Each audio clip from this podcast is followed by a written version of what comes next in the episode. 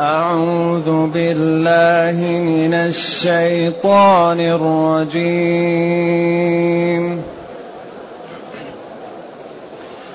بسم الله الرحمن الرحيم. سبح لله ما في السماوات وما في الأرض وهو العزيز الحكيم. يا أيها الذين آمنوا يا أيها الذين آمنوا لم تقولون ما لا تفعلون؟ لم تقولون ما لا تفعلون كبر مقتا عند الله أن تقولوا ما لا تفعلون إن الله يحب الذين يقاتلون في سبيله صفا ان الله يحب الذين يقاتلون في سبيله صفا كانهم كانهم بنيان مرصوص كأنهم بنيان مرصوص وإذ قال موسى لقومه يا قوم لم تؤذونني؟ يا قوم لم تؤذونني وقد تعلمون أني رسول الله إليكم ۖ. فلما زاغوا أزاغ الله قلوبهم أزاغ الله قلوبهم والله لا يهدي القوم الفاسقين واذ قال عيسى ابن مريم يا بني اسرائيل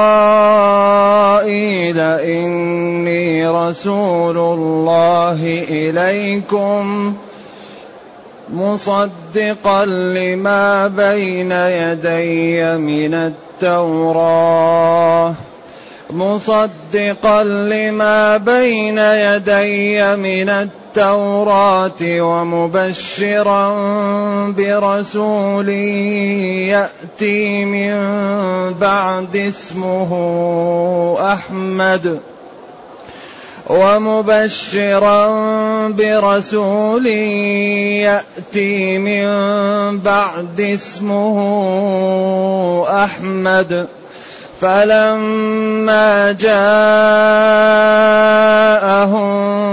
بالبينات قالوا هذا سحر مبين ومن اظلم ممن افترى على الله الكذب وهو يدعى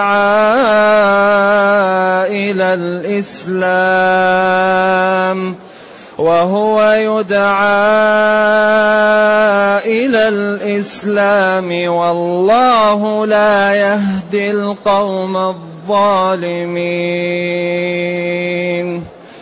يريدون ليطفئوا نور الله بأفواههم. يريدون ليطفئوا نور الله بأفواههم والله متم نوره والله متم نوره ولو كره الكافرون هو الذي أرسل رسوله بالهدى ودين الحق. هو الذي أرسل رسوله بالهدى ودين الحق ليظهره على الدين كله. ليظهره على الدين كله ولو كره المشركون.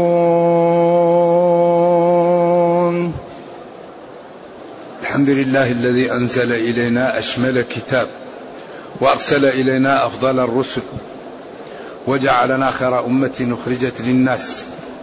فله الحمد وله الشكر على هذه النعم العظيمة والآلاء الجسيمة. والصلاة والسلام على خير خلق الله وعلى آله وأصحابه ومن اهتدى بهداه. أما بعد فإن هذه السورة تسمى سورة الصف وتسمى سورة الحواريين وهي مدنية في قول الجمهور. وورد عن بعض السلف أن فيها مكي وأنها مكية ولكن القول المعتمد أنها مدنية. بعد في ترتيبها بعد المئة نزلت بعد المئة والتسعة آيات. نزلت بعدها التغابن. يقول جل وعلا سبح لله ما في السماوات وما في الأرض. تقدمت البسملة كثير بسم الله الرحمن الرحيم. والخلاف فيها. ذكر ذلك. أقول سبح لله ما في السماوات وما في الأرض. تقدم أيضا هذا. لكن نشير إليه. فنقول إن الخلاف بين الفقهاء في البسملة راجع إلى القراء. الخلاف بين الفقهاء في البسملة راجع إلى القراء. ولذلك من يقرأ بقراءة ابن كثير كالشافعي يجهر بالبسملة. ومن يقرأ بقراءة نافع أو بعض قراءة الكوفيين يسر بالبسملة أو لا يذكر البسملة. مالك لا يأتي بالبسملة في الفريضة. في القول المعتمد عنده. والشافعي يجهر بالبسملة مثل الآية. إذا كان الآية يجهر بها يجهر بالبسملة. وإذا كانت الفاتحة يسر بها يسر بالبسملة. أما أحمد وأبو حنيفة رضي الله عن الجميع فيسرون بالبسملة. يبسملون ولكن يسرون بها في أول الفاتحة. ولذلك قال بعض العلماء كابن العربي يكفي في كونها ليست من القرآن الخلاف فيها. هذا ابن العربي. لكن لا هي في بعض القراءات من القرآن وفي بعض القراءات ليست من القرآن. فمن جهر بها جعلها من القرآن ومن أسر بها لم يجعلها من القرآن كمن في سورة التوبة وهو في سورة الحديد. فمن جنات تجري تحتها الأنهار هذه قراءة الجمهور. قراءة ابن كثير جنات تجري من تحتها الأنهار. فمن قال من في القرآن نظر إلى قراءة ابن كثير ومن قال ليست في القرآن نظر إلى القراءة الأخرى. إذا ولذلك وبعضهم يعني العلماء إلى القراءة نظر وليس للقرآن تعزى البسملة وكونها منه الخلاف نقل أي المخالف. وبعضهم أي اللي هم العلماء إلى القراءات نظر وذاك للوفاق أي بين الأقوال حكم معتبر. ذكر ذلك ابن حجر وذكره ابن حلول ونظمه صاحب المراقي. إذا من قال من جهر بالبسملة لا غبار عليه ومن أسر فيها لا غبار عليه. والكل صحيح والكل ثابت. نعم. سبح لله. سبح صلى لله أو سبح نزه وقدس وأذعن وأطاع لأجل الله. نعم. سبح لله. ما في السماوات وما في الأرض. هنا غلب غير العاقل. ما في السماوات الذي في السماوات والذي في الأرض. كل ما في السماوات والأرض. أي قدس الله ونزهه وانقاد له. إما انقياد عن إيمان وعن رضا أو انقياد عن احتياج وعن إذعان. ولله يسجد من في السماوات والأرض طوعا وكرها. طوعا وكرها. طوعا أو كرها. وإن من شيء إلا يسبح بحمده ولكن لا تفقهون تسبحه وإن من الحجارة لما يتفجر منه الأنهار وإن منها لما يشقق فيخرج منه الماء وإن منها لما يهبط من خشية الله. وما الله بغافل عما تعملون. إذا كل ما في الكون يسبح الله. إما بلسان الحال أو بلسان المقال. ما في السماوات وما في الأرض. وهو العزيز الغالب الحكيم في تشريعه الواضع كل شيء في المكان الذي يوضع فيه. فالحكيم فعيل بمعنى مفعل أي محكم لأموره جل وعلا. ولذلك هذا الكتاب على طول المدة التي لها وقد نزل لا يوجد فيه خطأ. هذا الكتاب الذي يقرأه المسلمون والذي موسوم بالقرآن الكريم لا يمكن يجد فيه العالم خطأ. أبدا. لا لا ريب فيه. ذلك الكتاب لا ريب فيه. يقال إن أحد غير المسلمين سمع هذه الكلمة. فآمن قال كل من كتب كتاب يقول إذا رأيتم خطأ فاستروه أو اصلحوه أو نقصا كملوه. هذا الكتاب أول شيء فيه لا ريب فيه. لا يأتيه الباطل من بني يديه والدليل الواقع. وكل من يتكلم على القرآن يقع على يقع الكلام عليه. وكل من يطعن في القرآن يقع الطعن عليه. العزيز الغالب. الحكيم الذي يضع الأمور في مواضعه جل وعلا. ولذلك هذا الكتاب لا يوجد فيه خطأ. والدليل الواقع الآن أليس العالم تطور وأصبح سكان الأرض كالقرية الواحدة وأصبح فيه أمور مذهلة ما يمكن يجدوه في القرآن خطأ. بل كل ما اكتشفوا شيء يوجد أصله في القرآن. هناك الطائرة والباخرة والسيارة قال ويخلق ما لا تعلمون في الامتنان بالمركوبات. الآن اكتشف الناس أن أحسن رياضة وأكثرها سلامة وأكثرها حسنات للإنسان الصلاة. لذلك خمس صلوات كتبهن الله في اليوم والليلة من حافظ عليها كان له عهد عند الله أن يدخله الجنة مع ما فيها من تقوية البدن ونشاط ونضارة الوجه. مع ذلك تملئ ما لا؟ تملئ الكفة من الحسنات. كل ما يأمر به الدين يكتشف الصوم. يدرب على الصبر ويدرب على ويصحح البدن. دين دين عجيب.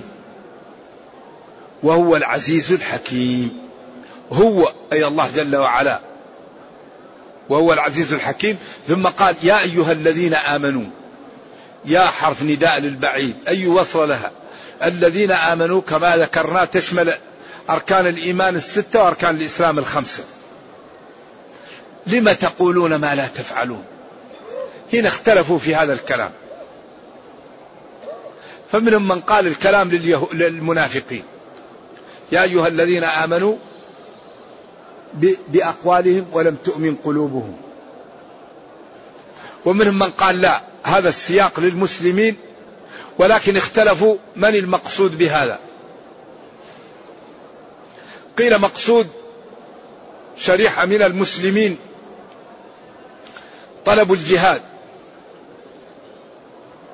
وقالوا لو جاء الجهاد لفعلناه وفعلناه ولما فرض الجهاد بقيت في نفوسهم إيش؟ أمور. فعاتبهم ربهم. لم تقولون لو فرض علينا الجهاد ولما فرض حصل عندكم نوع من التلكؤ والخوف.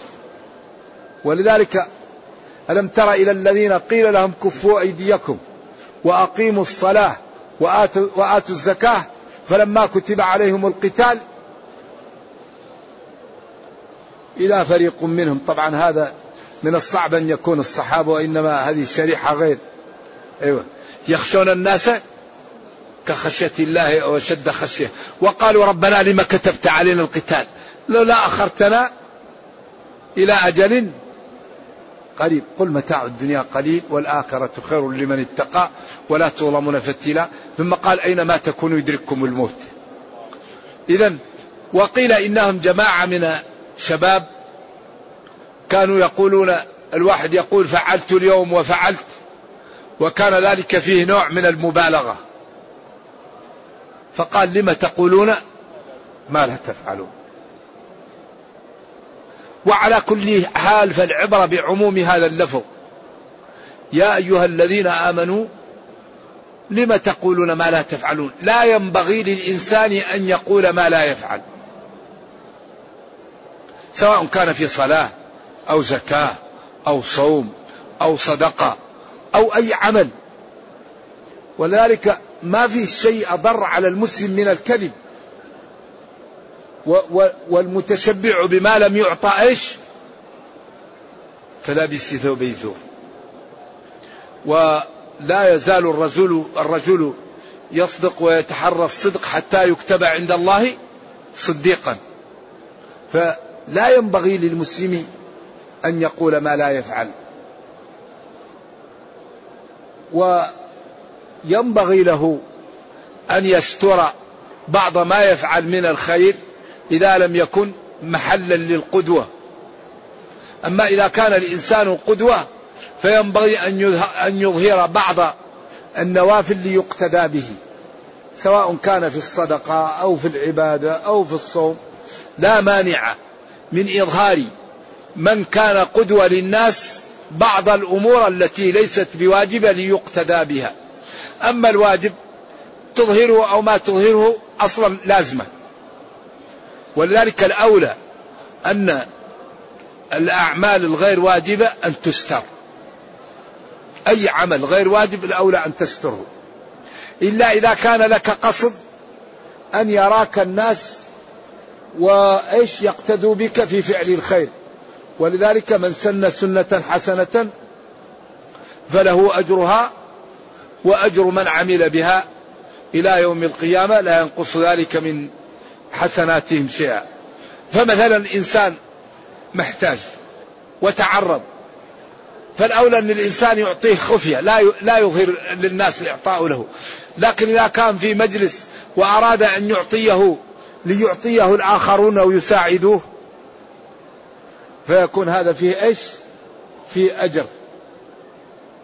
إنسان مع ناس غير متعلمين وصلى فأراد أن يصلي ليبين لهم النافلة الراتبة ليتعلموا أو كذا أو يقتدى به. فهذا لا يضر. لكن أي شيء غير واجب الأولى أن يفعله الإنسان إيش؟ سرا بينه وبين الله. ولذلك قال إن تبدوا الصدقات فنعم ما هي. وإن تخفوها وتؤتوها الفقراء فهو خير لكم أي أفضل لكم. إذا لا ينبغي للمسلم أن يقول ما لا يفعل. ولا يقول إلا الصدق ولا يمدح نفسه بما لم يفعل. وينبغي أن يكون صادقا في أفعاله وأقواله وأن ينزل الناس منزلته لنفسه. وكل ما تحب أن تعامل به به كل العباد عاملا. وينبغي للمسلم أن يأتي للناس ما يحب أن يأتوا إليه. أما يكون المسلم يكيل بمكيالين ما يصلح هذا. تضع نفسك في مكان وتضع الآخرين في لا ينبغي هذا. ولذلك قال ويل للمطففين. ويل للمطففين مكيال لنفسه مكيال للآخرين. مكان لنفسه مكان للآخرين. لا لا. الناس سواسية. أكرمكم عند الله أتقاكم. لا فضل لعربي على عجمي إلا بالتقى. الذي يفاضل الناس التقى. نعم. الناس من جهة التمثيل أكفاء. أبوهم آدم والأم حواء. فإن يكن في أصلهم شرف يفاخرون به فالطين والماء. إن أكرمكم عند الله أتقاكم. قال عمر الآن ضاع النسب. ولكن الناس معادن. الناس معادن. خيارهم في الجاهلية خيارهم في الإسلام إذا فقهوا. إذا فقهوا. لا شك أن في سلالات الله يرزقها التقى والعلم والشجاعة والجمال والكرم والنزاهة. وفي سلالات نرجو الله السلام والعافية. تكون شريرة وما هي كويسة. والناس معادن. خلقوا من الأرض الأرض فيها سبخة وفيها طينة تمسك الماء وتنبت. ولذلك الله يمن على من يشاء من عباده. قالت رسلهم إن نحن إلا بشر مثلكم ولكن الله يمن على من يشاء من عباده. نعم. إذا لم تقولون ما لا تفعلون؟ كبر عظم مقتا من مقت أن تقولوا ما لا تفعلون. كبر عظم مقتا إيش إعرابها؟ كبرت كلمة أيوة تمييز. كبر إيش؟ كبرت كراهية كبرت يعني قضية كبرت من قضية. مبينة لمن بهم في كبر. عند الله أي في حكمه وشرعه أن تقولوا ما لا تفعلون. كبر وعظوم عند الله كراهة أن تقولوا ما لا تفعلون أي طيب إيش إعراب أن تقولوا الجملة وما أنه ما دخلت عليه في تأويل مصدر؟ إيش محله من الإعراب؟ فاعل أحسن. عظم قولكم كبر قولكم. وهو أصلا يمكن محول أصلا. أيوة. العلم محجوب عمن لم يتقن العربية. لا سبيل للعلم إلا بالعربية. لا بد أن نعلم هذا. لأن الله قال بلسان عربي مبين. فوعاء الشريعة العربية. فمن يريد أن يكون عالما فليتعلم العربية بفروعها الثلاثة. فإذا تعلم العربية سهل عليه العلم. فإذا كان لا يعلم العربية لا يعرف الكلمة ولا يعرف الدلالات ولا يعرف الاستنباط. فلذلك الذي لا يعلم العربية لا يكون عالما. وكل ما تعلم الإنسان العربية وأتقنها كل ما سهل عليه العلم الشرعي. ولذلك كل المعاني مندرجة تحت الإعراب. أي كلمة أعربتها لازم تفهمها. لأن الإعراب هي هي المعاني هي بيان المعاني. نعم. كبر مقتا عند الله أي قولكم ما أن تقولوا ما لا تفعلون. قولكم الذي لا تفعلونه. هذا عظيم وهذا شنيع. ولذلك ينبغي للمسلم أن يصدق مع نفسه أولا ومع ربه. ثم مع إخوانه. فيكون صادقا. فتزرع له الثقة والمحبة. ولذلك الذي يكذب لا ثقة فيه. ولذلك أي إنسان يكذب لا يؤخذ عنه الحديث. من يكذب في في الكلام لا يؤخذ عنه الحديث. أي إنسان يكذب في في في كلامه لا يؤخذ عنه الحديث. وكل شيء ينجبر من ضعف الحديث إلا إذا كان الراوي يكذب أو متهم بالكذب. لا ينجبر الحديث. الذي طريق فيه واحد لا يجبر الحديث الذي فيه واحد متهم بالكذب. لأن الكذب سيء جدا. أما إذا كان سيء الحفظ أو كان يدلس يمكن ينجبر. أو كان يهم كثير أو كان اختلط في آخر حياته. أما إذا كان متهم هذه مشكلة. ولذلك الذي يكذب إذا جاء للحاكم ليشهد يجرح يقال فلان يكذب لا تقبل شهادته. يقال مجروح غير عدل. والله يقول وأشهدوا ذوي عدل. فالذي يكذب ساقط العدالة. فالمسلم لا بد أن يكون عدلا. ما ما يكذب ما يعمل ما ما يخرم المروءه أو يكلم العرض فتسقط شهادته. ثم بين هنا وقيل إن هذه القضية تتعلق بما حصل يوم أحد. وأنهم كانوا يقولون نفعل ونفعل فلما قال الله لهم لا تبرحوا هذا المكان واجلسوا فيه لم يمتثلوا ذلك ونزلوا وهم كانوا يقولون لن نبرحه. وبعدين أضاف لذلك إن الله يحب الذين يقاتلون في سبيله صفا. كأنهم بنيان مرصوص. والأسلوب يدل على عدم الفرقة والتماسك والاجتهاد في هزيمة العدو. إن الله يحب الذين يقاتلون في سبيله صفا فظاهر أنهم زي الجدار كأنهم بنيان مرصوص.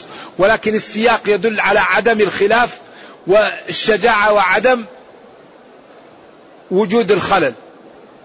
ولذلك أشار بعض العلماء إلى أن هذا يفهم منه أن الرجال أفضل من الفرسان في في الجهاد ولكن لا يلزم لأنه قد يكون بنيان مرصوص وهم ركوب أو هم مشاة رجالا أو ركبان. المهم لا يكون بينهم خلاف ولا يكون بينهم تفرق ولا يكون بينهم من لا يريد أن يواجه العدو صف لا يكون بينهم من يخالفهم. ثم سلى نبيه وطمأنه وبين له إنه إن حصل من قومه بعض التكذيب وبعض الاتهام فذلك ليس بدعا في الرسل قبله. فموسى كذبه قومه وآلوه. ثم قال يا أيها واذكر حين قال موسى لقومه يا قوم لم تؤذونني؟ وقد وقد هنا للتحقيق والتأكيد ما هي للتقليل؟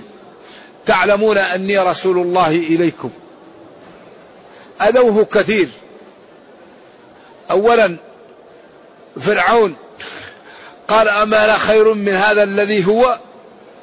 ولا يكاد يبين. عجيب. قضية قضية إبانة أو قضية صدق ورسالة. قضية قضية حق وكذب وصلاح وضلال. وقالوا لما كان لا يتعرى معهم قالوا له هو عنده مشكلة في داخله آدر والأدرة هي انتفاخ أحد خصيتي الرجل. ويوم من الأيام ذهب لا لا يتعرى معهم لورعه وخوفه من الله فأكرمه الله بأن ذهب الحجر بثوبه. الحجر يجري بثوبه وهو عنده عصا يضرب الحجر. ثوبي حجر ثوبي حجر. حتى بقي في الحجر ندوم من ضربه. حتى وقف على بني إسرائيل. ورأوه عريانا قالوا والله ما به من بأس. إذا فبرأه الله مما قالوا وكان عند الله وجيها. الحجر شرد بثوب حتى ما اتهموه به قالوا والله ما به من بأس. لم تؤذونني؟ تتهمونني بالمشاكل وتكذبون علي ولا تسمعوا مني. وقد تعلمون أني رسول الله إليكم. لكن فلما كذبوا وسارعوا بالتكذيب قفل الله على قلوبهم وأزاغها عن الحق. ولذلك أخطر شيء المسارعة في التكذيب. لا تستعجل. التأني من الله. ومن الرجال إذا استوت أحلامهم من يستشار. إذا استشير فيطرق حتى يجول بكل واد قلبه فيرى ويسمع ما يقول فينطق. لذلك أبو لهب قال لهم أرأيتم إن أخبرتكم أن خيلا وراء هذا الوادي تريدكم؟ أكنتم مصدقين؟ قال ما أخذنا عليك كذب. قال إني نذير لكم بين يدي عذاب شديد.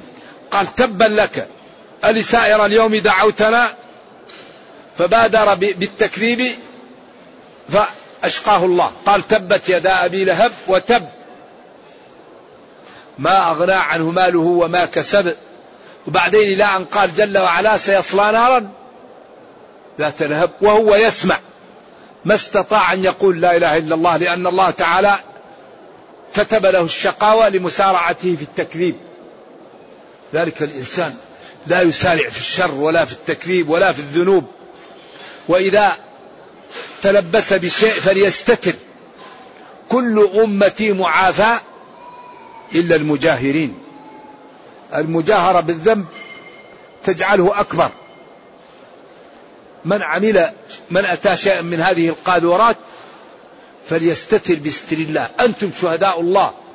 من أثنوا عليه خير وجبت له الجنة. ومن ذكروه بشر وجبت له النار. فلذلك المسلم لا يظهر إلا الخير. من الدين أنك لا تظهر الشر حتى لا يشهد الناس عليك. بالشر فيكون ذاك سبب في الشقاوة. نرجو الله السلام والعافية. فلما زاغوا وانحرفوا أزاغ الله قلوبهم.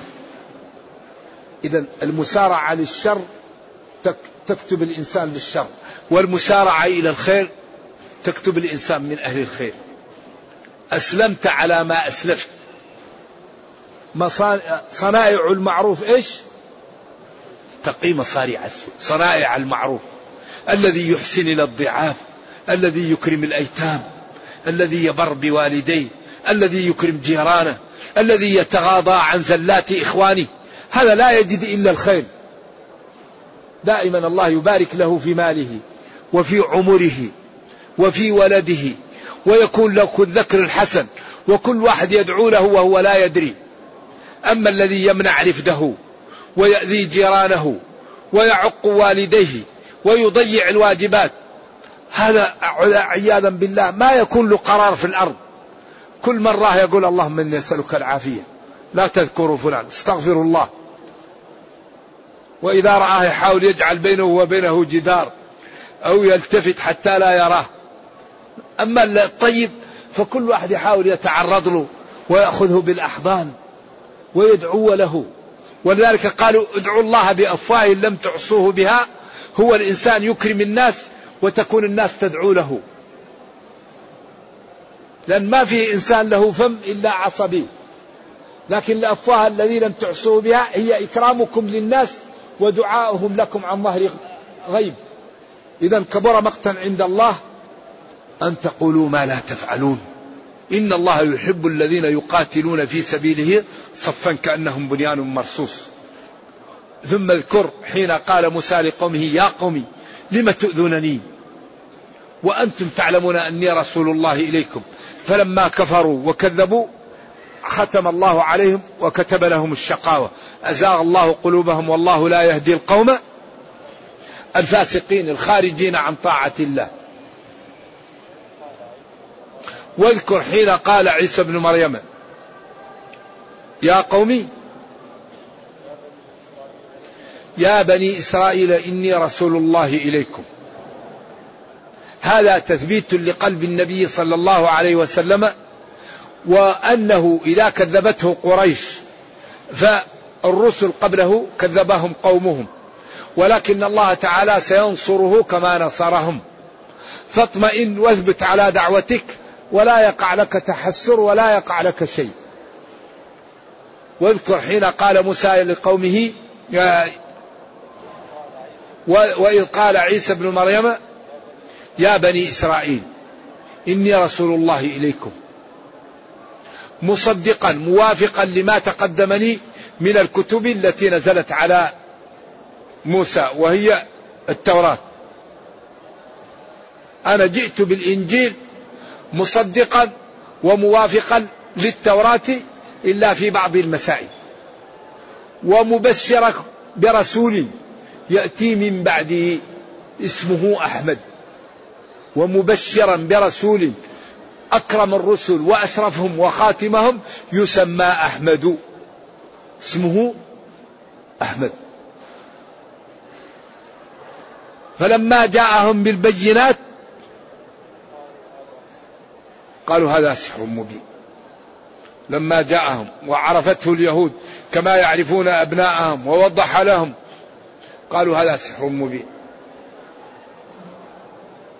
من يضلل الله فلا هادي له. ولذلك هذا الدين مبني على قواعد وأسس لا يقبل إلا التسليم أو المكابرة. إن القوالب الموجود في هذا الدين لا يمكن أن تقاوم. لذلك قال لهم أنتم تكذبون بنبي فأتوا بمثل ما جاء به. ألستم أهل فصاحة؟ ألستم أهل بلاغة؟ ألستم ملكتم ذلك؟ ألستم أبصر الناس بالكلمة وبالأسلوب؟ ولستم تعلمون أنه ابنكم وربا بينكم وتعلمون أمانته؟ جاءكم بكلام فأتوا بمثله. فإن عجزتم فاعلموا أنه رسول الله وبادروا بالتوبة قبل أن تحل بكم العقوبة. تحدي سافر إقناع لا وراء وراءه. اذا إيش بعد هذا؟ ومن أظلم ممن افترى على الله الكذب. لا أحد أظلم ممن افترى على الله الكذب نسب له الولد والصاحبه وهو يدعى إلى الإسلام ويمتنع من ذلك ولا يقبله. لا أحد أظلم من هذا. افترى على الله الكذب. قالوا ثلاثة وهو واحد. قال اليهود عزير بن الله. قالت قريش اللات والعزى. لا أحد أكذب ممن يفتري على الله وينسب له ما لا يليق به. وهو والحال أنه يدعى إلى الإسلام ويمتنع من ذلك والله لا يهدي القوم الظالمين والله لا يهديهم ولكن جاء بالإظهار ليشملهم ويشمل من اتصف بصفتهم. الخارجين عن طاعة الله. يريدون هؤلاء المذكورين يريد هؤلاء المذكورين يريد هؤلاء المذكورون أن يطفئوا نور الله بأفواههم. يريدون أن ينقصوا من الدين ومن رسوله بالكلام الذي لا دليل عليه ولا برهان يعضده فهو كلام بالفم كذب لا دليل عليه ولا صدق معه. يريد هؤلاء المكذبون أن يطفئوا نور الله وهو يعني أن يردوا الناس عن هذا الدين الواضح الذي هو نور وبرهان بكلام لا دليل عليه. ويأبى الله جل وعلا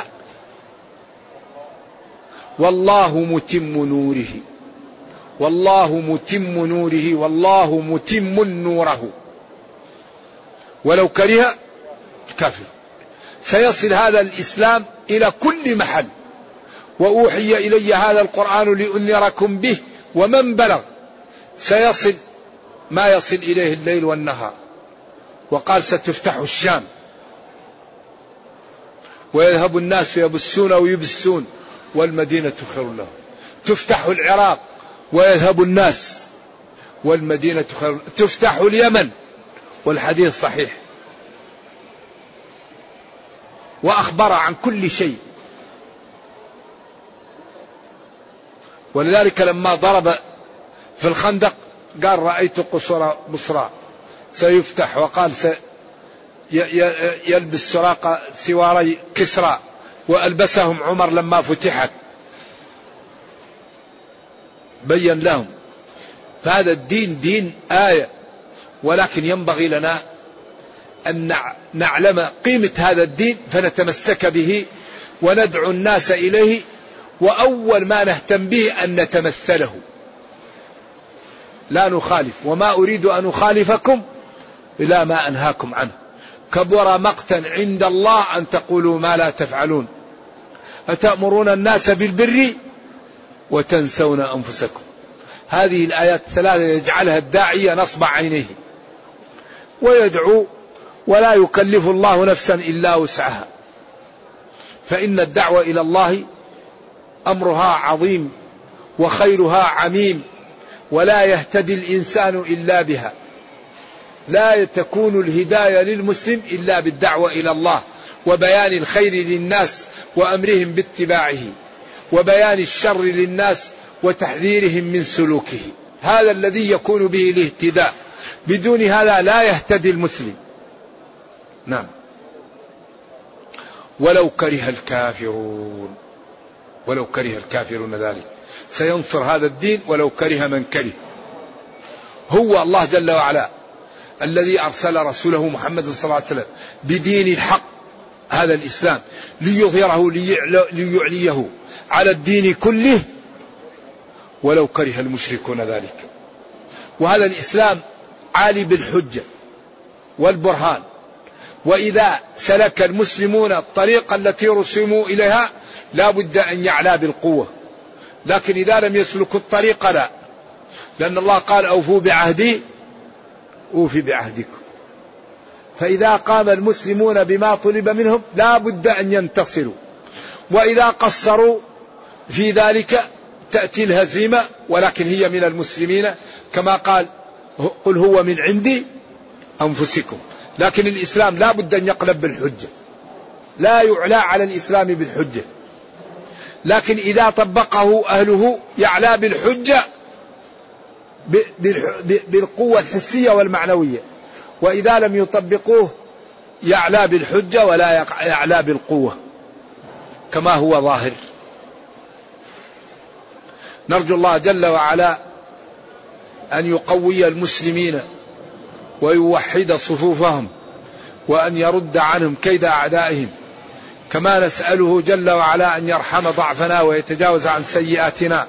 اللهم ربنا أتنا في الدنيا حسنة وفي الآخرة حسنة وقنا عذاب النار. اللهم اختم بالسعادة آجالنا واقرم بالعافية غدونا وآصالنا واجعل إلى جنتك مصيرنا ومآلنا.